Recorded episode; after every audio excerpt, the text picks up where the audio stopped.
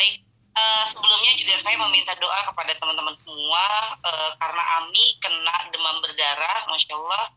Mudah-mudahan Ami segera disehatkan. Kita berdoa bareng-bareng untuk kesembuhannya Ami. Al-Fatihah.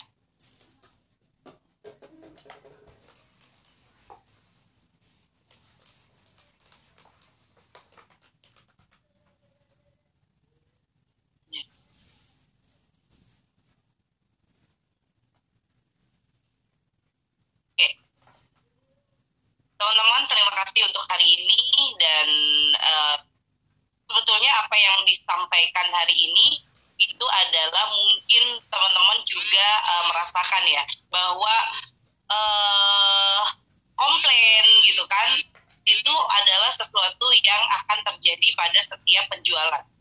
Semakin banyak uh, apa namanya itu semakin banyak semakin tinggi traffic penjualan maka semakin banyak juga komplainan yang akan masuk dan komplain itu adalah salah satu lumbung ide menurut saya. Ya, jadi kalau kita bicara tentang lumbung ide, maka banyak hal yang terkait dengan pelanggan itu sebetulnya bisa menjadi lumbung ide. Ya, dan komplain adalah salah satunya. Ya, saya hari ini mau uh, ngobrol, mau undang salah satu yang pernah mengkomplain ya. Ya, di sini ada mungkin Mbak Nurik aja deh. Ya, Mbak Nurik. Mbak Nurik paling aktif di sini waktu itu Mbak Nurik uh, pernah Mbak Nurik dan timnya pernah mengkomplain inskrip ya terkait dengan salah satu pelayanannya kami. Tapi mungkin dari sana bisa lihat bagaimana kemudian saya memberikan solusi dari setiap komplain. Ya nanti Mbak Nurik siap-siap ya jadi bicara ya untuk share uh, apa namanya itu komplain komplainnya itu seperti apa. Ya kemudian uh, akhirnya apa yang saya lakukan dan sampai sekarang Mbak Nurik menjadi pelanggan.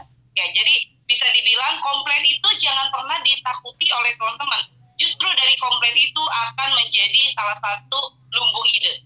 Pernah juga nih uh, Amelia Wijaya ya komplain ya. Waktu itu pengiriman eh minta uh, apa gitu ya ke Miss Inscript. Kemudian ternyata dari komplainnya Miss Amelia Miss Inscript itu malah terpikir untuk membuat amplop sendiri. Dan sampai sekarang kami jadi punya amplop sendiri gara-gara komplain. Lalu kemudian komplain yang terjadi pada perusahaan kami hari ini adalah komplain pengiriman celengan yang gila-gilaan pengirimannya Masya Allah luar biasa dan sekarang sudah mulai, mulai muncul komplain kenapa celengan saya belum dikirim ada komplainnya komplain tipis ada komplainnya itu komplain berat yang dalam artian tidak bisa menerima pertimbangan kami. Makanya saya kemudian komplainan itu apalagi yang bisa kami lakukan. Yang jelas adalah tidak ada satu perusahaan pun menyengajakan terjadinya komplain. Tidak ada. Tetapi komplain tetap akan muncul karena tidak ada satu perusahaan pun yang bisa memuaskan 100% eh, kepuasan pelanggan. Tidak ada.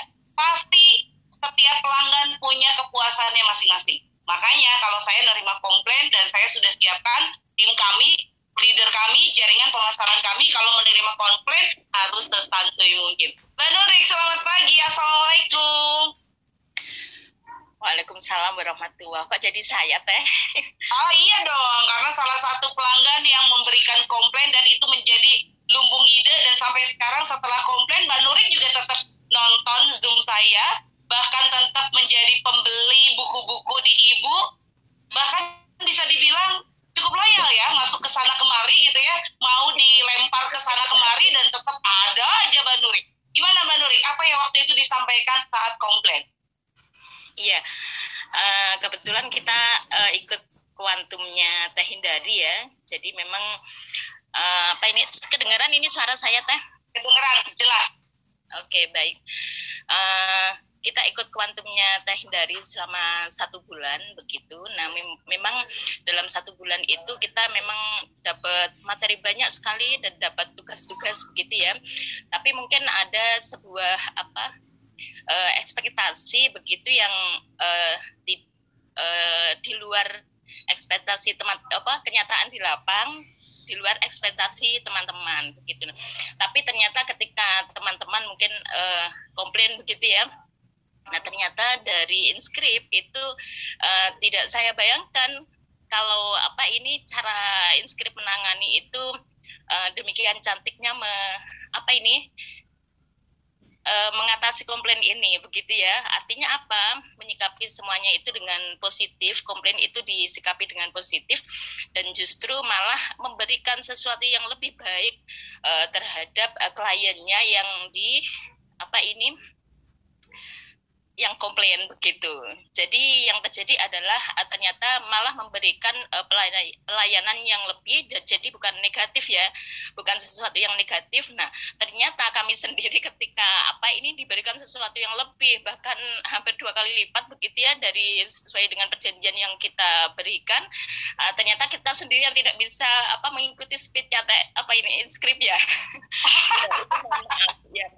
Nah, jadi inskrip ini tergantung dari inilah kita mau speednya itu berapa gitu ya. Kalau speednya kita 100 kayaknya inskrip juga akan berikan 100 gitu ya. Kalau kita speednya 50 ya akan diberikan speednya 50 saya terima kasih teman-teman semua materi dari inskrip itu teh hindari semuanya menjadi lumbung ilmu buat kita. Mungkin kita tidak bisa mengaplikasikan saat ini ya tapi nanti ketika kita membina tim dan sebagainya pasti kita akan buka lagi semua materi-materi dari inskrip untuk kita sharingkan ke teman-teman karena semuanya mungkin menunggu waktu yang tepat begitu untuk di-sharingkan ke tim.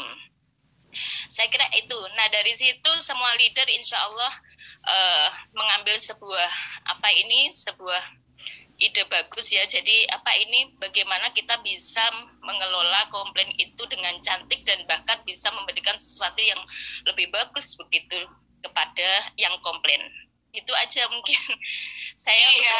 udah ikut plan ini Yeah. Masya Allah, ya bahkan ketika kita waktu itu diskusi terkait komplain, kemudian saya bilang saya tutup dengan halo leadernya SDI, apa yang kalian dapatkan dari handling komplain yang dilakukan oleh Yusuf? Saya malah balik bertanya seperti itu ya kepada leader-leader SDI. Dan kemudian uh, apa yang membuat Mbak Nurik setelah komplain kemudian diberikan uh, fasilitas lain? Dan kemudian sekarang Mbak Nurik tidak bosan-bosannya untuk mengikuti Zoom bahkan menjadi pelanggan kami. Apakah memang pelayanan uh, uh, apa namanya itu komplainan itu sudah berhasil me, me, apa ya mencuri hatinya Mbak Nurik dan leader-leader SDI lainnya? Ya. Jadi begini, saya sering nganu sih uh, dalam setiap mungkin ada setiap ada zoom sama teteh kan uh, selalu ada yang sama ya yang disampaikan ya dan mesti ada apa istilahnya endorse memang ini punyanya inskrip kan begitu ya. setiap ada Zoom itu selalu ada insight-insight yang kita dapatkan. Entah itu tiga kalimat, entah itu empat kalimat, lima kalimat yang selalu jadi ilmu baru buat kami. Dan terkadang satu kalimat dari seseorang itu bisa membuat energi yang lebih besar untuk kita berbuat jauh lebih uh, gede gitu. Mungkin kalimatnya cuma satu apa ini satu kalimat begitu ya yang menginspirasi. Tapi itu bisa membuat kerja kita yang luar biasa di belakang. Jadi uh, meskipun apa ini uh, kita mendengarkan 30 menit mungkin dapat insight-nya cuma satu kalimat dua kalimat. Tapi masya Allah itu dampaknya luar biasa di belakang. Makanya saya selalu ikut zoomnya. Siapa tahu saya dapat insight baru begitu dari yang disampaikan. Dari insight baru itu sudah dijalankan Mbak Nuri Ya sudah semampu kami tentunya ya. Jadi kayak ide dan sebagainya itu masih numpuk gitu ya, numpuk di pikiran. Tapi kan e, ke depan ya, misalnya kita bertambah-tambah apa ini, e, bertambah tenaga kita, bertambah apa kita, tapi kita sudah banyak belajar begitu dari skrip. Gitu kira-kira. Masya Allah. Terima kasih Mbak Nuri. Nah inilah yang dimaksud dengan bahwa pelanggan itu sebetulnya memunculkan ide-ide baru. Pelanggan itu apa pun yang dia lakukan, kita diskusi biasa dengan pelanggan atau sampai pelanggan caci maki kita karena komplain, saya selalu memunculkan ide-ide baru untuk perusahaan. Saya yakin bahwa tidak ada satu perusahaan pun dia menyengajakan datangnya komplain. Tetapi karena tingkat kepuasan pelanggan itu berbeda satu sama lain, komplain akan selalu ada. Terima kasih Mbak Nuri. Ya, dan saya mau minta uh, Cici Amel untuk sharing juga di sini. Karena Cici Amel ini termasuk yang pernah mau, ah selesai aja ah, aku mah nggak mau order lagi di Inscript, katanya gitu ya. Bilang kepada Miss Inscript. Aku tuh nggak mau order lagi di Inscript karena Inscript ini begini, begini, begini, begini. Tapi sampai sekarang Miss Amel ini, Cici Amel ini masih standby dengan inskrip dan ternyata obrolan-obrolan uh, Miss Inscript dengan Ci Amel, kemudian juga saya kadang ngobrol juga sama beliau, ternyata itu memunculkan ide-ide baru. Seperti yang saya bilang, akhirnya kami sekarang produksi amplop sendiri, tidak tergantung pada vendor lain untuk mempercepat kebutuhan amplop. Cici Amel, halo, sudah mandi? Halo, aduh ngagetin banget sih teh pagi-pagi. Cici Amel, buka tuh videonya aku pengen lihat wajah cantikmu, masya Allah. Oh, belum mandi teteh. Oke Ci, boleh cerita dong kepada kami semua uh, apa sih komplain yang sering diberikan kepada inskrip? Uh, banyak teh. Jadi awal itu komplainan karena perpindahan ke Miss Inscript aja sih, karena kan belum terbiasa teh. Biasanya kan dihandle sama Ami, ya kan? Eh, sama satu orang. Habis itu kan dioper ke Miss Inscript yang ternyata orangnya banyak teh. Nah saya kan awalnya nggak tahu tuh. Jadi hmm. setiap saya habis ngobrol sama satu orang, habis itu uh, misalnya ya barang belum dikirim, saya tanya lagi, itu jawabannya udah bisa beda gitu loh teh saya tuh hmm. ditanyain berulang kali jadi apa yang udah saya jelaskan itu saya ditanyain lagi saya kan bingung ya ini uh, maksudnya kok nggak bener banget sih caranya. Kok customer ditanyain berulang kali. Udah gitu barang nggak dikirim-kirim. Ya kan biasanya sama Ami itu cepet banget. Setiap order tuh langsung dikirim kalau saya. Nah ini kok enggak bulat banget gitu loh teh. Ternyata nah. saya baru tahu orangnya itu yang respon ganti-ganti. Otomatis waktu ganti orang dia tuh nggak tahu uh, obrolan saya sebelumnya gitu loh. Mungkin dia juga nggak lihat chat. Jadi jawabannya dia itu kadang bikin saya itu gregetan gitu loh teh ah. karena saya sudah jelaskan ditanyain lagi jelaskan ditanyain lagi gitu loh teh akhirnya yang terakhir itu masalah amplop saya order banyak ya kan untuk tim saya itu uh, saya bingung cara kirimnya karena biasanya kan langsung kebanyakan orang kan dropship ya teh langsung dikirim dari es krim. Nah saya kan enggak, semua dikirim ke tempat saya. Nah waktu awal order board itu saya kaget ternyata board itu kan gede teh. Nah saya hmm. kirimnya kan juga bingung, nggak ada yang muat gitu loh. Akhirnya saya tanya, terus saya disuruh beli amplop teh, satunya empat ribu. Saya marah dong. Ini gimana sih pelayanannya? Saya tuh udah beli banyak banget. Malah saya disuruh keluar. Waktu itu beli berapa, Ci? Beli berapa board? wah nggak inget teh banyak teh seratus ada tuh mungkin halo halo ya lalu gimana sih nah itu. Akhirnya saya kan komplain kan. Saya ngomel-ngomel tuh. Kok saya disuruh bayar sih? Udah beli segini banyak. Nah biasanya kan kalau dropship juga mereka yang ngirimin gratis kan dari inscript amplopnya. Nah akhirnya itu Ami yang akhirnya ikut turun tangan. Dan akhirnya saya katanya dibikinin amplop sendiri ya teh ya. 100 amplop buat saya dan, dan sekarang ternyata kami itu sudah produksi amplop sendiri.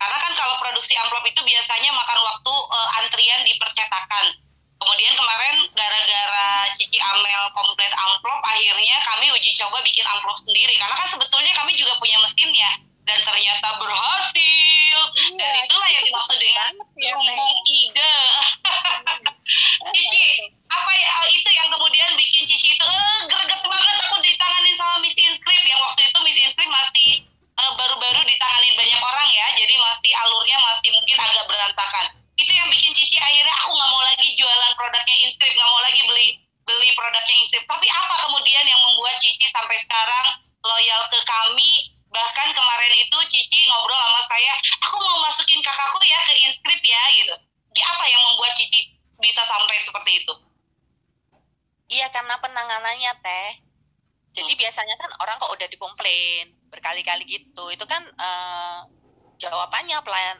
pelayanannya kan juga apa nggak bisa baik gitu loh. Tapi itu penanganan miss inscript itu baik banget. Dia tetap cari solusi dia minta maaf terus dia kasih hadiah uh, kasih uh, kirimin ibu biar saya nggak marah. Pokoknya penanganannya itu baik banget gitu loh. Istilahnya dia bisa bikin customer yang marah itu jadi luluh jadi akhirnya nggak jadi marah gitu loh teh. Akhirnya kan saya dikirimin tuh langsung dikirimin 100 amplop itu. Terus ya eh, penangannya abis itu baik banget sih. Setiap saya tanya apa responnya cepet. Seperti itu. Ternyata terakhir kan saya baru tahu kendalanya karena orangnya ganti-ganti. Itu menurut saya si inskrip oke okay banget lah. Karena setiap komplainan itu langsung dicariin solusi gitu loh teh Oke. Okay. akhirnya oke okay lah apa ya gimana ya teh soalnya inskrip juga sangat membantu perkembangan jaringan saya jadi mau hmm. lepas juga emang nggak bisa deh jadi akhirnya kita saling memaklumi ya kurang lebihnya seperti apa ya, ya betul. kurang lebihnya bagaimana kemudian kami pun harus memaklumi kekurangan dan kelebihan dari pelanggan kami makasih ya Cici ya ya sama-sama teh Oke, mangga dan uh, di sini juga ada lagi nih teman-teman komplain yang kemudian memunculkan ide. Ada ide baru yang kemudian saya aplikasikan pada uh, produk-produk kami. Contoh, sebelum kami punya amplop sendiri, pengiriman uh, produk kami itu menggunakan reuse uh, sampah. Jadi pakai uh, plastik, pakai kertas bekas. Dan itu juga memunculkan komplain, kenapa saya beli uh, guidance book itu pakai uh, plastik bekas. Kemudian akhirnya idenya setelah ada komplain itu kami bikinkan semacam gift card gitu dan menceritakan bahwa plastik itu adalah uh, sampah yang dia itu akan bisa terurai dalam sekian ratus tahun. Sehingga akhirnya untuk meminimalisir itu harus direuse. Kami kirimkan itu. Sehingga akhirnya ketika pelanggan kok ini pakai kresek bekas ya dia bisa buka gift cardnya. Termasuk ini celengan celengan ini untuk menghindari uh, rusaknya celengan dalam masa pengiriman ini saat kami bungkus juga dengan kresek bekas dan juga kertas bekas. Ya tapi ada juga yang komplain kenapa celengan saya di, dibungkus sama kertas bekas dan plastik bekas? Ya kemudian kami jelaskan. Nah di sini artinya teman-teman masya Allah sesempurna apa pun pelayanan kita kepada pelanggan itu akan memunculkan komplain karena standar kepuasan pelanggan itu masya Allah luar biasa banyaknya sehingga akhirnya yang harus dilakukan oleh anda sebagai pedagang sebagai penjual online ya adalah memberikan informasi sebanyak-banyaknya terkait dengan bisnis yang kita jalankan. Nah, beberapa waktu lalu akhirnya kami uh, saya sendiri mengeluarkan satu statement ya uh, untuk pelanggan Inscript pernah mengisi waiting list dan bingung betapa banyaknya waiting list di kami, tenang, nggak usah dibikin rumit ya. Fungsi waiting list sebetulnya untuk memprediksi jumlah orderan yang masuk ke otak kami. Pada kenyataannya banyak yang tidak masuk dalam waiting list juga membeli, namun fungsi waiting list minimal kami tahu respon yang diberikan. Nah, jadi mungkin beberapa teman-teman di sini masuk grup ini, grup ini, grup ini ada waiting list sendiri mau jual produk atau jual kelas atau jual apa pun saya menggunakan skema waiting list itu adalah untuk prediksi orderan.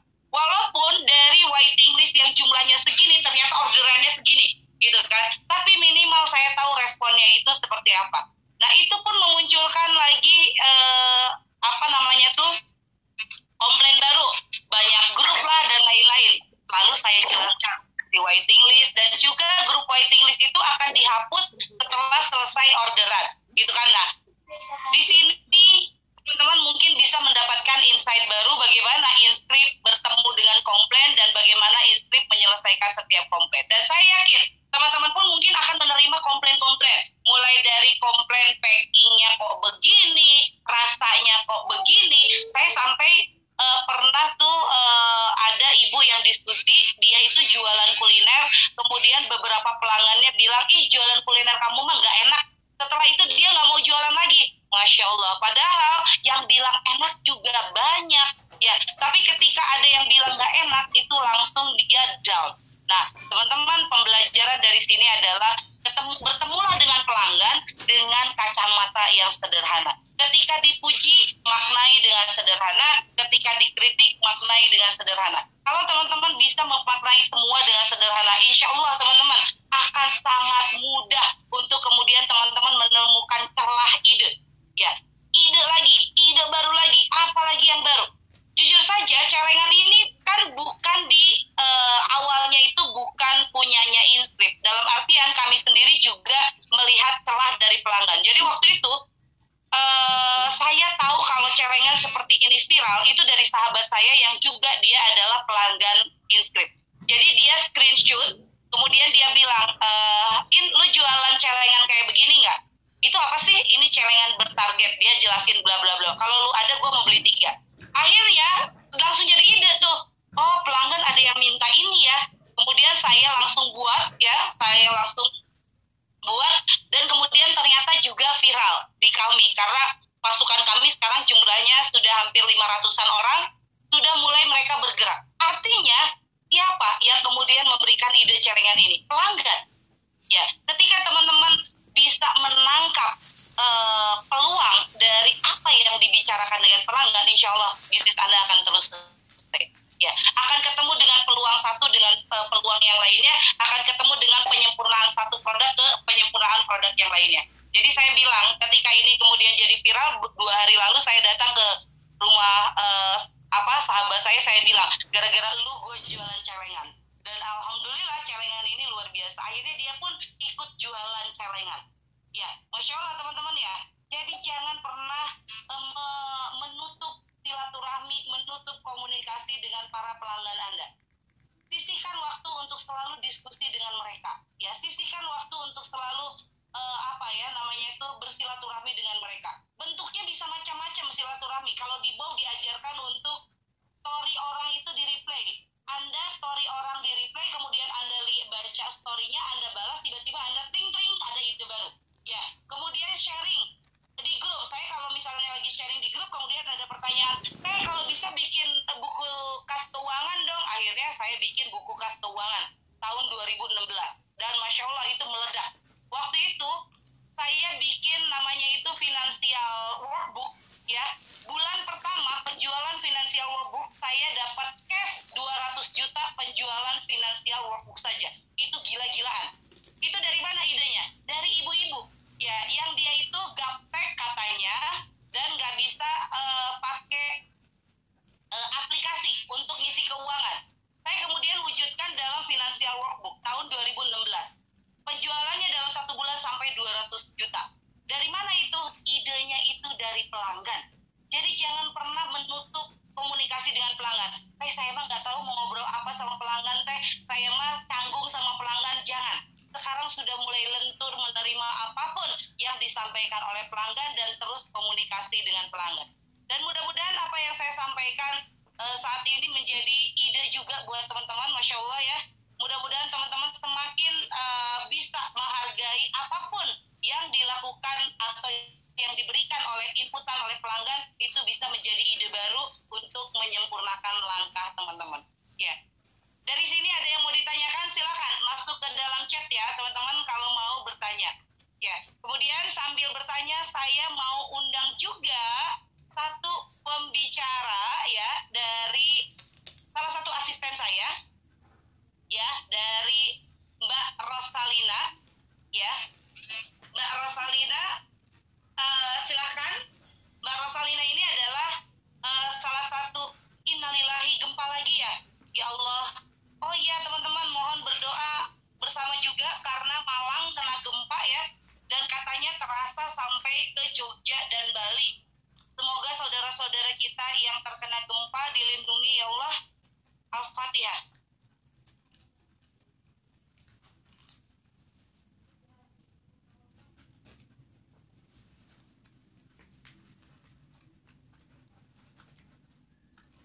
Allah kita banyak sekali ya dapat uh, ujian mudah-mudahan uh, Allah melindungi kita semua Mbak Rosalina ada Mbak Rosalina ya teh ada teh ada Mbak Rosalina ini adalah salah satu asisten saya yang sekarang ini beliau saya amanahi untuk uh, penjualan celengan barangkali Mbak Rosalina juga sudah mulai mendapatkan komplain ya Mbak Rosalina ya Masya Allah ya karena celengan ini penjualannya meledak dan kemudian kita kemarin sempat kehabisan bahan baku. Apa Mbak Rosalina? Komplain yang didapatkan oleh Mbak Rosalina? Ya kemarin sih cuman ini aja sih teh. Ada yang nanya Mbak uh, kenapa kok barang saya belum dikirim? Katanya gitu. Terus saya bilang ini karena untuk untuk celengan sendiri kita kan baru pertama launching dan ternyata permintaannya banyak itu di luar prediksi uh, pusat. Jadi untuk pengiriman berikutnya kita nunggu antrian dari pusat dan sambil nunggu bahan baku yang datang lagi. Saya jelasin gitu sih paham. Hmm. jadi lebih ke komplainnya lebih ke pengiriman celengan ya mbak Rosalina ya? Iya. Oke mbak Rosalina sekarang uh, pertanyaan-pertanyaan seputar celengan ini banyak. Kemarin juga ada yang minta stokis itu satu kotak ya stokis itu satu kotak supaya penjualannya lebih banyak. Uh, apa yang kemudian Mbak Rosalina jelaskan kepada uh, mereka yang meminta stokis itu bukan per kecamatan tapi per kota? Uh, kita kan awalnya sudah ininya kan per kecamatan teh. Dan per kecamatan ini udah apa uh, antusias ibu-ibu juga kan luar biasa ya teh. Jadi dia untuk sementara kita memang di mengkhususkan untuk kecamatan dulu. Mungkin nanti ke depannya kalau untuk per kota akan ada ininya lagi gitu apa akan ada launchingnya lagi. Jenjang yang lainnya ya Mbak Rosalina. Tapi sudah siap ya untuk celengan ini karena kita uh, kemarin saya sudah hitung-hitungan dengan uh, tim keuangan tim keuangan bilang kalau celengan ini bisa menyamai kitnya dengan guidance book harus terjual 400 ribu celengan per bulan Masya Allah dan itulah yang harus membuat uh, pasukan stokis di kecamatan itu semakin bertumbuh. Kita butuh sekitar 6.900. Kira-kira nih, dengan adanya jumlah yang sebesar itu, ya 400 ribu celengan, bakalan ada komplain nggak, Mbak Rosalina? Ya pasti mah komplain ada aja ya, ya. Orang kita jualan buku aja udah sering dikomplain teh.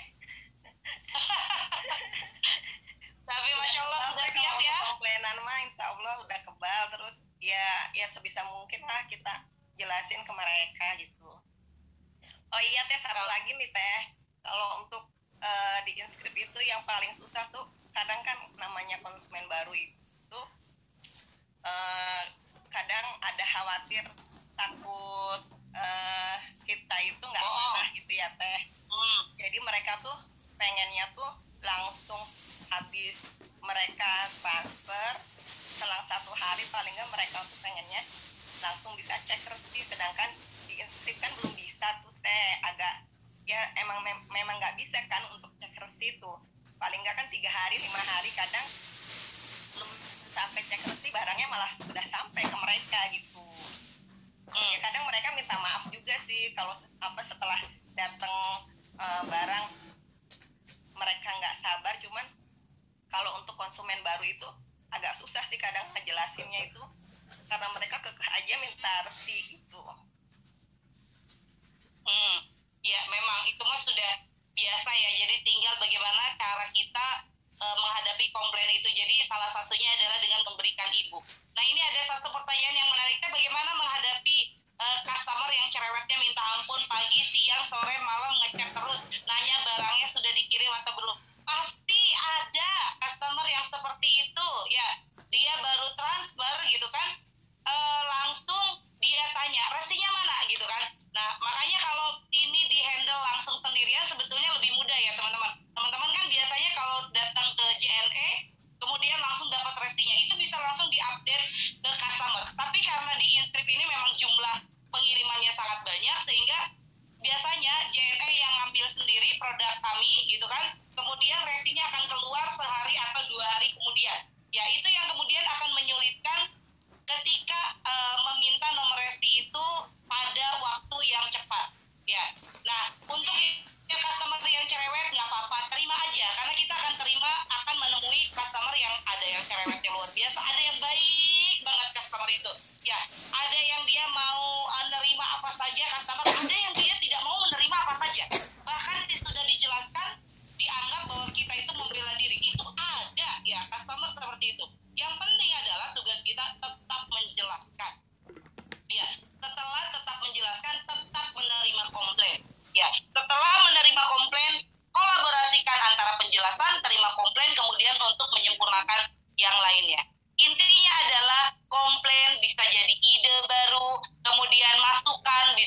ide baru. Makanya kalau di bimbingan optimasi WhatsApp, uh, saya menerima apa kritik dan saran untuk Bow. Nah, dari kritik saran itu penyempurnaan Bow di berikutnya. Jadi Masya Allah teman-teman ya, mudah-mudahan bermanfaat hari ini. Jangan takut sama kritik, jangan takut sama uh, apa komplainan. Jadikan itu sebagai salah satu jalan teman-teman bergerak lebih baik setiap harinya. Terima kasih untuk hari ini, Masya Allah. Sampai ketemu lagi dengan saya besok hari Senin dan insya Allah saya akan bikin uh, setiap obrolan kita ini adalah yang terupdate dari inscript ya. Bukan hanya dari guidance book tapi yang terupdate dari inscript. Sambil saya juga bisa menjelaskan kepada teman-teman semua uh, kondisi inscript. Kalau-kalau yang mendengarkan Zoom ini mungkin juga lagi nunggu barang, lagi nunggu celengan saya kok belum nyampe, buku saya kok belum nyampe, sambil bisa menjelaskan itu. Terima kasih untuk semua, silakan Miss.